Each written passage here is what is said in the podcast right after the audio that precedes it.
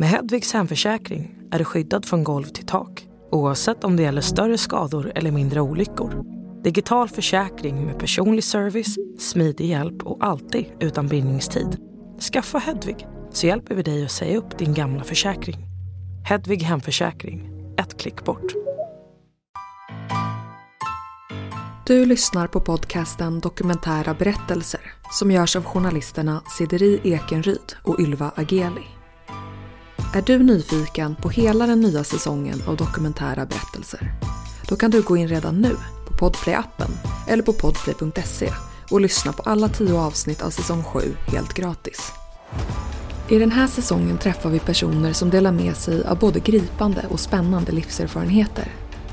Det handlar bland annat om hur det är att växa upp med en mamma i fängelse, att praktisera tantrasex, om att vilja hoppa av sitt kriminella mc-gäng och såklart mycket, mycket mer. Så gå in på Podplay och lyssna på hela säsongen redan idag, helt gratis. I princip så en tsunamivåg rör sig mycket, mycket fortare än en vanlig vattenvåg också. Ute på öppet hav så är den inte särskilt stor, men den rör sig ungefär lika fort som ett jetflygplan.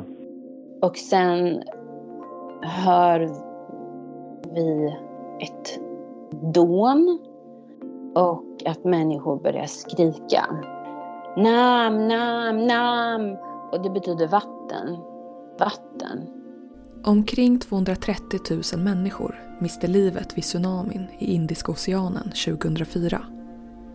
I det här avsnittet och nästa ska vi höra Marias berättelse om att överleva katastrofen, posttraumatiskt stresssyndrom och hur livet efteråt aldrig blir sig likt igen.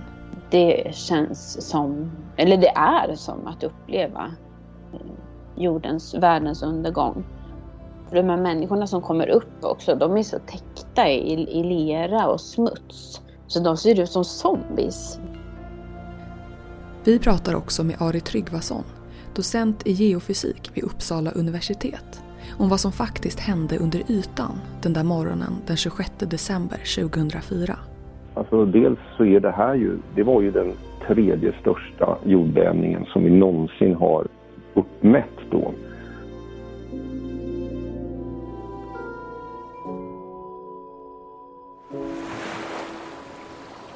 Det är Lucia 2004.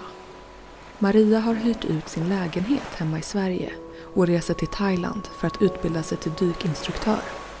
Hon ska vara där i ett halvår. Saken var den att jag, jag hade varit i Thailand mycket innan. Det var ju därför jag eh, hade min, min, min dive masterutbildning. Thailand är som hennes andra hemland. Hon har redan varit där under flera säsonger. Nu är hon 28 år gammal och anländer till ön Koh Phi Phi utanför Thailands västkust. Det är en ö där väldigt många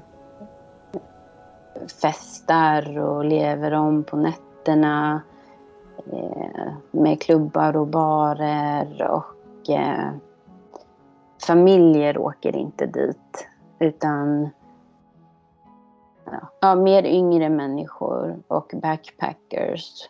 2004 så var eh, PPI väldigt, väldigt bebyggt. De har ju byggt väldigt snabbt på de här mindre öarna där de har kunnat göra det för turismen. Så att eh, runt eh, jul och nyår 2004 så var det var packat med folk. Det kommer ju folk med båt varje dag till de här öarna. Och det fanns nästan inte boende till människor som kom till ön. Hon checkar in på ett vandrarhem och börjar bygga upp sitt nätverk inom dykningen. Det är en speciell community där alla håller ihop. För man har ett sånt brinnande intresse och man har otroligt roligt. Eh, man, man kan gå in i en dykshop. De som har hållit på med dykning känner, känner till det. Och sen så är man en del av gänget. Och man går ut och festar och man kan hänga på stranden och Det är jul och trots att Maria bara varit på ön knappt två veckor så har hon hunnit bli en del av ett stort kompisgäng. Eh, där vi var svenskar, norrmän och engelsmän. En tysk tjej också. Eh, så vi, det var ju jul. Så det var ju, det var ju fest varje kväll. Eh, den 23, den 24 åt vi julbord.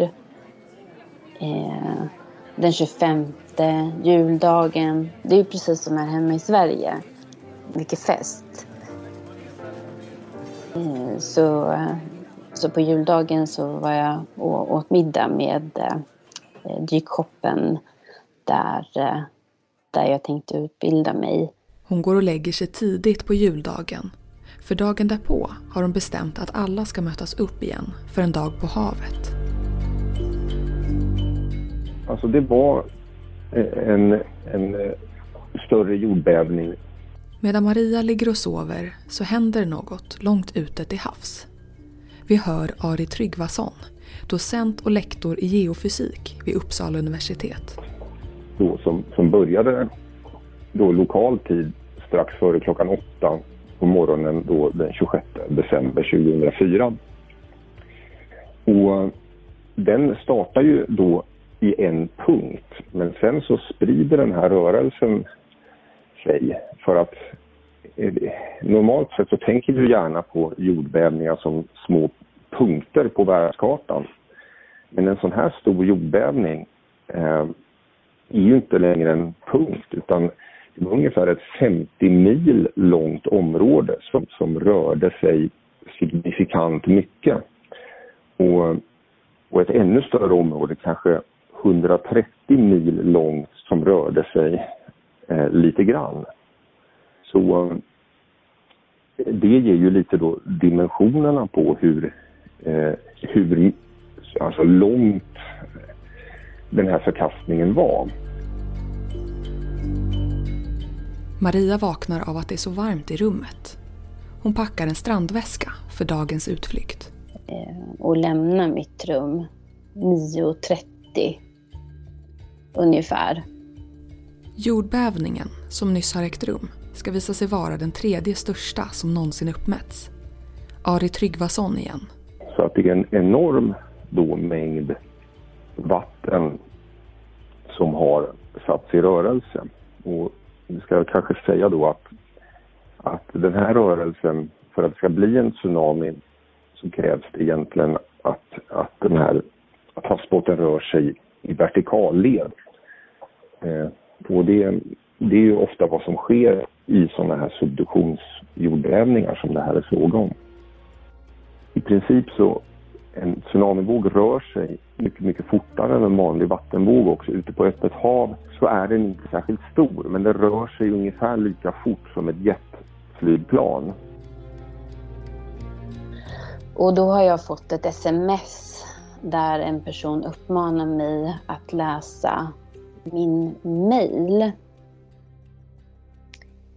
Eh, och då tänker jag att jag kommer hinna göra det. Jag har inte kollat min mail på några dagar och eh, det fanns ju inte Facebook och sociala medier på den här tiden. Det var en helt annan tid, ett helt annat sätt att kommunicera med Sverige på.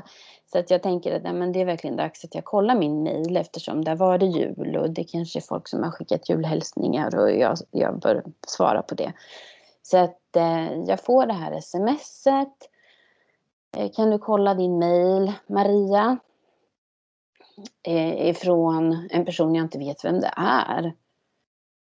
Um, men eh, det gör att jag går och sätter mig på ett internetcafé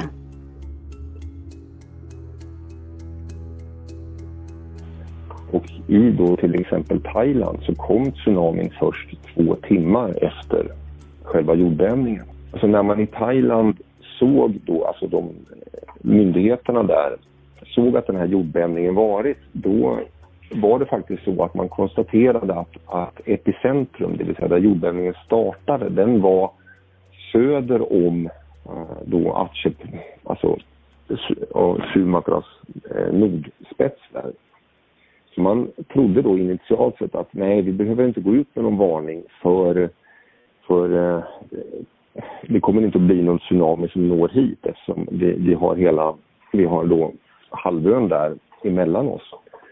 Och, och, och det, den felbedömningen gjorde man alltså därför att man inte riktigt hade klart för sig hur stor den här jordbävningen var. Och att det här segmentet som, som verkligen rörde sig var 50 mil långt. Så att det var den här rörelsen, alltså att havsbotten rörde sig uppåt med många, många meter. Den, den skedde då egentligen då långt norr om, om eh, eh, Banda provinsen alltså nordspetsen av ön där.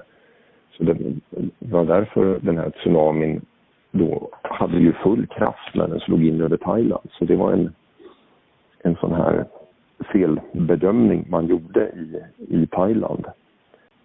Och jag läste någonstans att, att um, ungefär 20 minuter innan de här vågorna sköljde upp på land så började då havet dra sig tillbaka. Så det fanns, jag menar, det var sådana tecken som, som fanns på att katastrofen höll på att hända.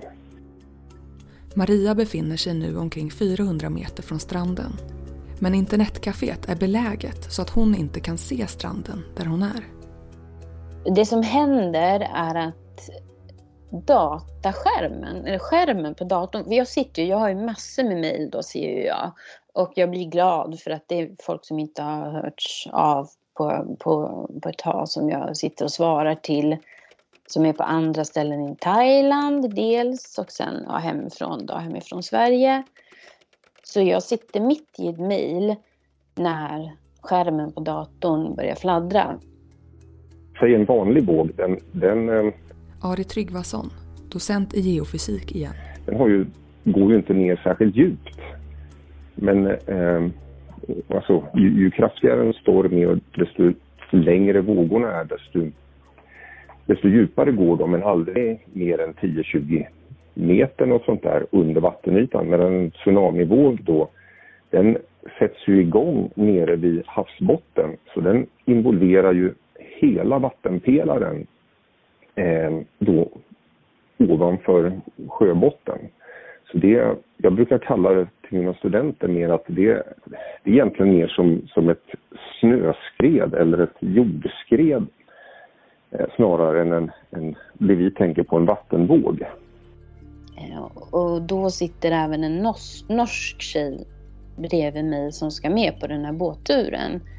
Eh, så att eh, jag tittar på henne och Eh, hon tittar på mig och alla skärmar på datorerna fladdrar. Så vi suckar och säger sen, åh nej, nu allt vi har skrivit, åh, nu kommer det försvinna. Det är någon generator, i och med att det är en ö så, eh, så vet man inte alltid om elen funkar som det ska.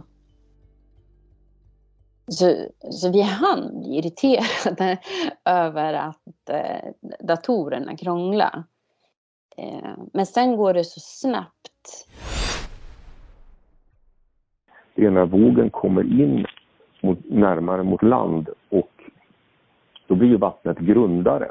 Men det är samma mängd energi så att säga som, som, ska, som finns i vattnet. Så det gör att, att när vattnet grundar så, så bromsas vågen upp och den höjer sig. Så den här tsunamivågen har ju varit uppemot upp till 10 meter hög kanske. Och sen hör vi ett dån och att människor börjar skrika. Och då skriker de på alla språk. Ehm, men jag hör thailändare skriva, eller skrika, förlåt, nam, nam, nam. Och det betyder vatten. Vatten. Och då tittar jag ut på eh, vägen som går genom byn och ser att det börjar rinna som avloppsvatten. Och det här dånet, det går inte att specificera vad, vad det är för något. Jag har ingen aning om vad som händer. Jag förstår bara att nu har det hänt någonting fruktansvärt. För jag ser ju att människor springer för sitt liv från bycentret Uh, men jag hinner tänka, för det man har i huvudet det är terror, terrordåd, terrorattack. Så jag hinner tänka att det har sprängt en bomb någonstans. Men jag har inte hört en explosion. Men jag tänker att det är långt, det är långt bort. Men människor springer ändå för att de vet inte om det ska detonera fler bomber. Eh, men, men jag tittar på eh, den här norska flickan igen då. Och sen ser jag hur thai, den thailändska familjen som driver det här internetcaféet eh, i panik eh, springer inåt, in i byggnaden. De jobbar ju ofta där de bor, det är så de, de lever eh, med, eh, ja, med sina barn. Då. Eh, så eh, ja, oh, jag hinner se att de försöker slita åt sig sina små barn. Men i min, i min hjärna så händer det någonting. För jag ser dem till höger om mig och till vänster om mig så har jag byvägen. Och där har det börjat välla människor som alla skriker. Och de skriker på engelska också. Spring för livet, spring, run, run, run. Så i min hjärna så slår det på en överlevnadsinstinkt där jag, jag bara tar fart. Och jag hinner se att den här norska flickan också gör det. Men jag tar ju täten. Och på något sätt så hamnar jag precis efter en, en lång kille som springer extremt snabbt.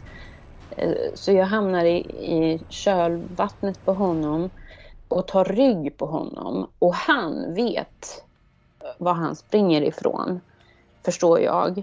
Det, det vet jag ju inte då. Killen hon hamnar bakom springer uppåt mot det berg som ligger alldeles nära internetcaféet.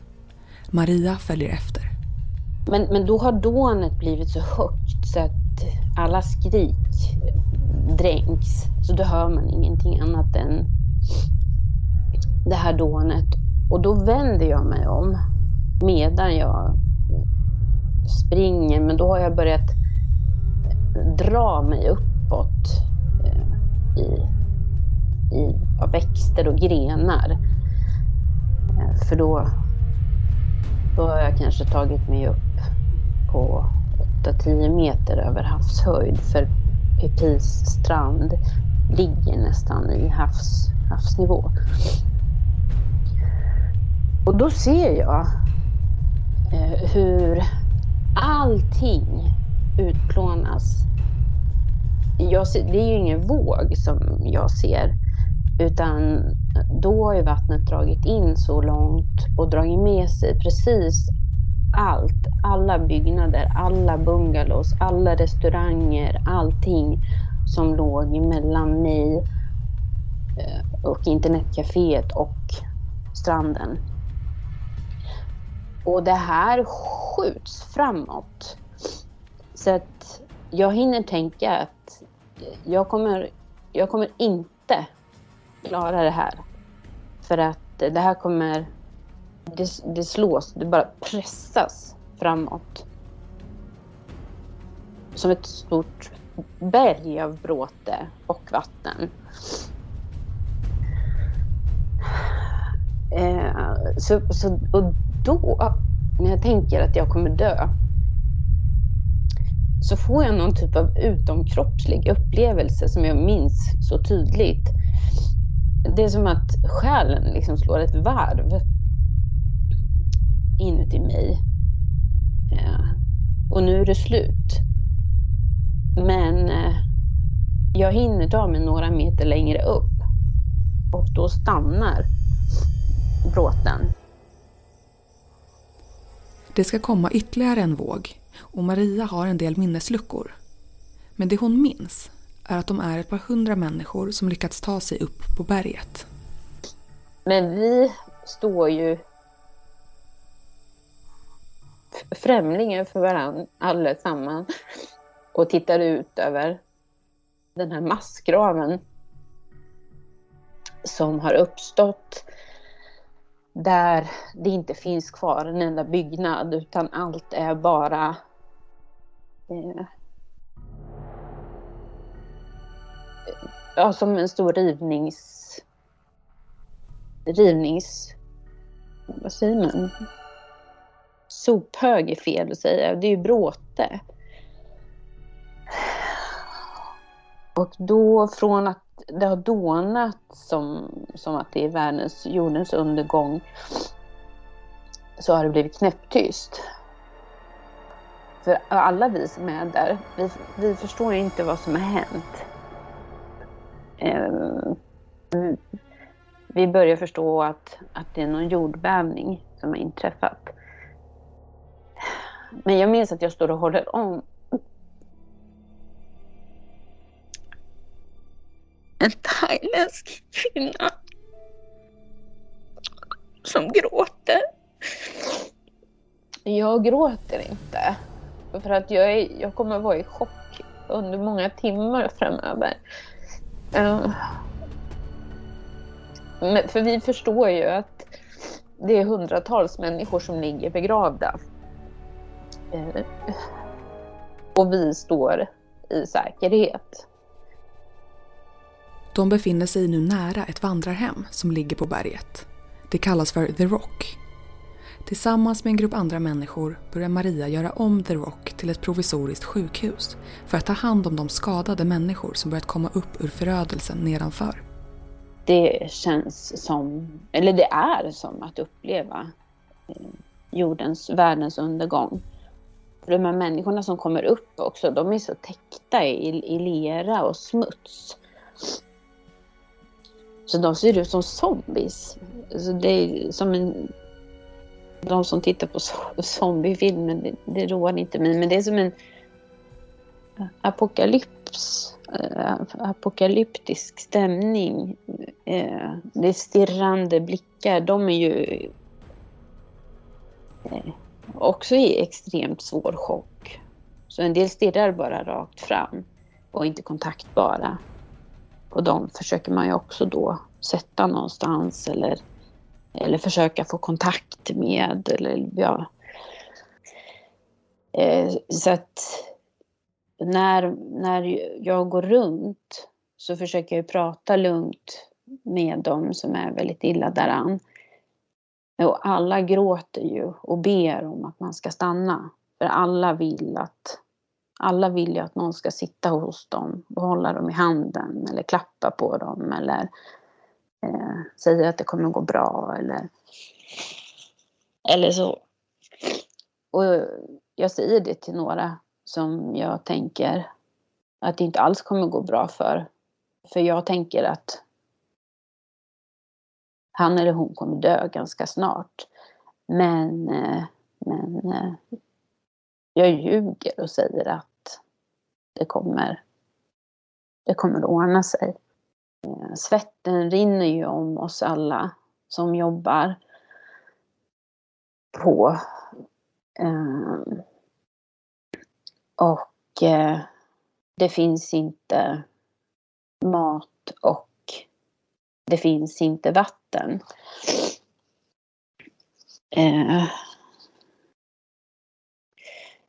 Vi, vi bryter faktiskt upp ett kylskåp och en frysbox där det finns vattenflaskor och is. Eh, för att vi ska kunna hälla vatten på, eh, på och i och tvätta såren då. Och ge dem som är mest illa däran vatten att skölja munnarna med. För, för men, de kan inte pra, en del kan inte prata för de har så mycket lera och smuts i munnen. Eh, tungan sitter liksom fast i allt klibb som de har fått i sig. Så vi ger så att de får skölja och en del kan svälja lite vatten då. Människor i svår chock ska inte dricka Eh, för det kan orsaka chock i, i organen, alltså kroppen kan gå i chock. Så mitt i hjälparbetet kommer hon på att hon har sin mobiltelefon i badväskan hon packade på morgonen. Hennes simkort ger ingen täckning eftersom de flesta masterna har rasat. Men hon provar med ett annat simkort som hon får låna av en skadad man i närheten. Det fungerar och hon ringer hem till sin mamma i Sverige. Då har jag ett lugn som jag inte har en aning om var jag eh, har, får, får det ifrån. Men det är ju adrenalinet i kombination med en extrem chock. Men, men jag vet också att om jag inte är lugn så kommer min mamma gå sönder, alltså få panik och bli hysterisk. För att jag måste ju på något sätt förklara hur illa det är samtidigt som jag måste lugna, jag vill ta på mig att lugna henne så att hon inte går sönder. Så jag vet att jag jag slår nu, jag, jag ringer mamma eh, och eh, hon svarar, hon är yrvaken. Eh, hon ligger och sover. För det är så tidigt på morgonen hemma i Sverige. Fem, sex på morgonen.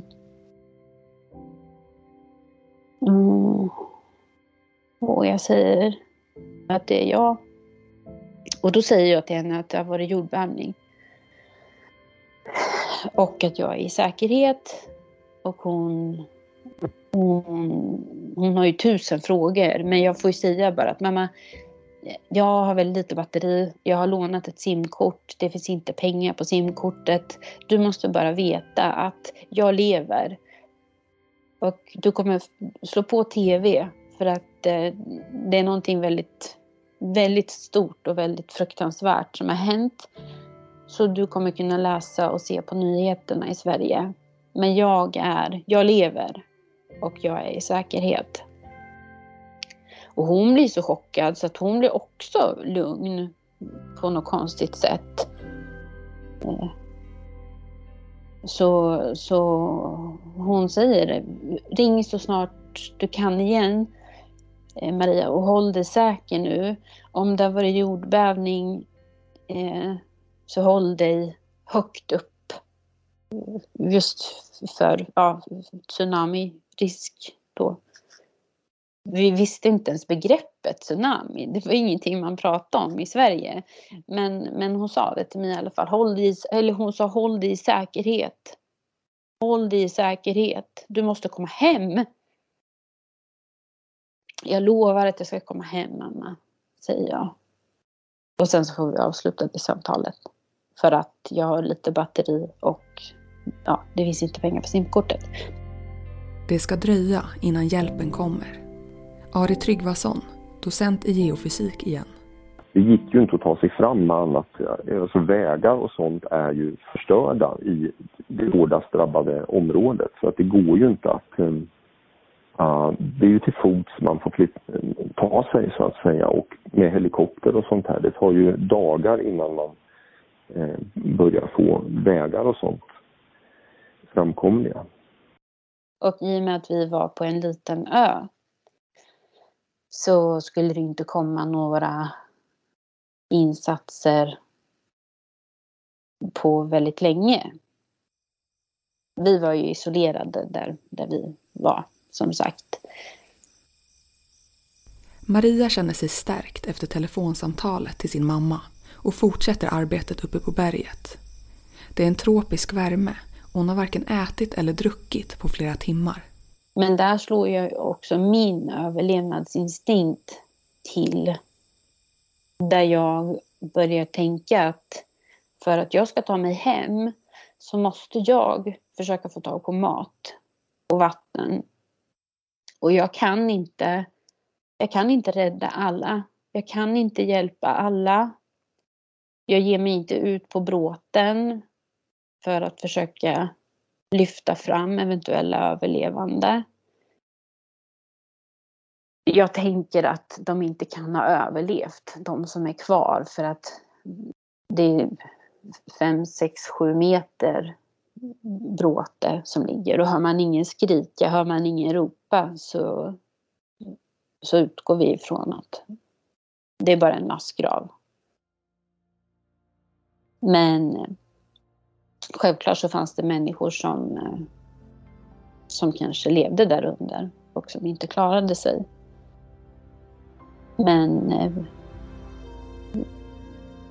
vi fick ju prioritera också. De som hade tagit sig upp som var så svårt skadade var ju de som vi kunde göra någonting för. Några gick runt och lyfte på... Det låg dörrar och plåttak och då låg det ju kroppar där under. Och de vill, de vill jag liksom inte se egentligen. Utan stänga av och stänga bort för att orka och hålla förnuftet i behåll. Du har lyssnat på den första delen av Marias berättelse om tsunamin. I nästa avsnitt. Det var bland det vackraste jag har sett. När jag tittade ut mot kustlinjen så var jag ju i, i paradiset. Men vände jag mig om så var helvetet bakom mig om hur hon tog sig hem från KPP i Thailand och hur händelsen skulle fortsätta att förfölja henne i form av posttraumatiskt stresssyndrom, PTSD. Så medan jag höll på att gå sönder mer och mer så, så log jag och berättade om vilken tur jag hade haft som överlevde. Då är det ju ganska många delar som är människor som skriker, människor som springer, ljud. Vi kommer också prata med Ann-Charlotte Laurell, KBT-psykolog, om hur man utvecklar och behandlar PTSD. Rädslan utav att kanske kunna, alltså hela den här upplevelsen är ju ett stort, stort trauma med många, många delar. Och glöm inte att alla avsnitt av säsong 7 finns ute redan nu, helt gratis på Podplay. Och vill du komma i kontakt med oss som gör den här podden och dela med dig av din berättelse? Mejla oss på kunskapsstudion gmail.com.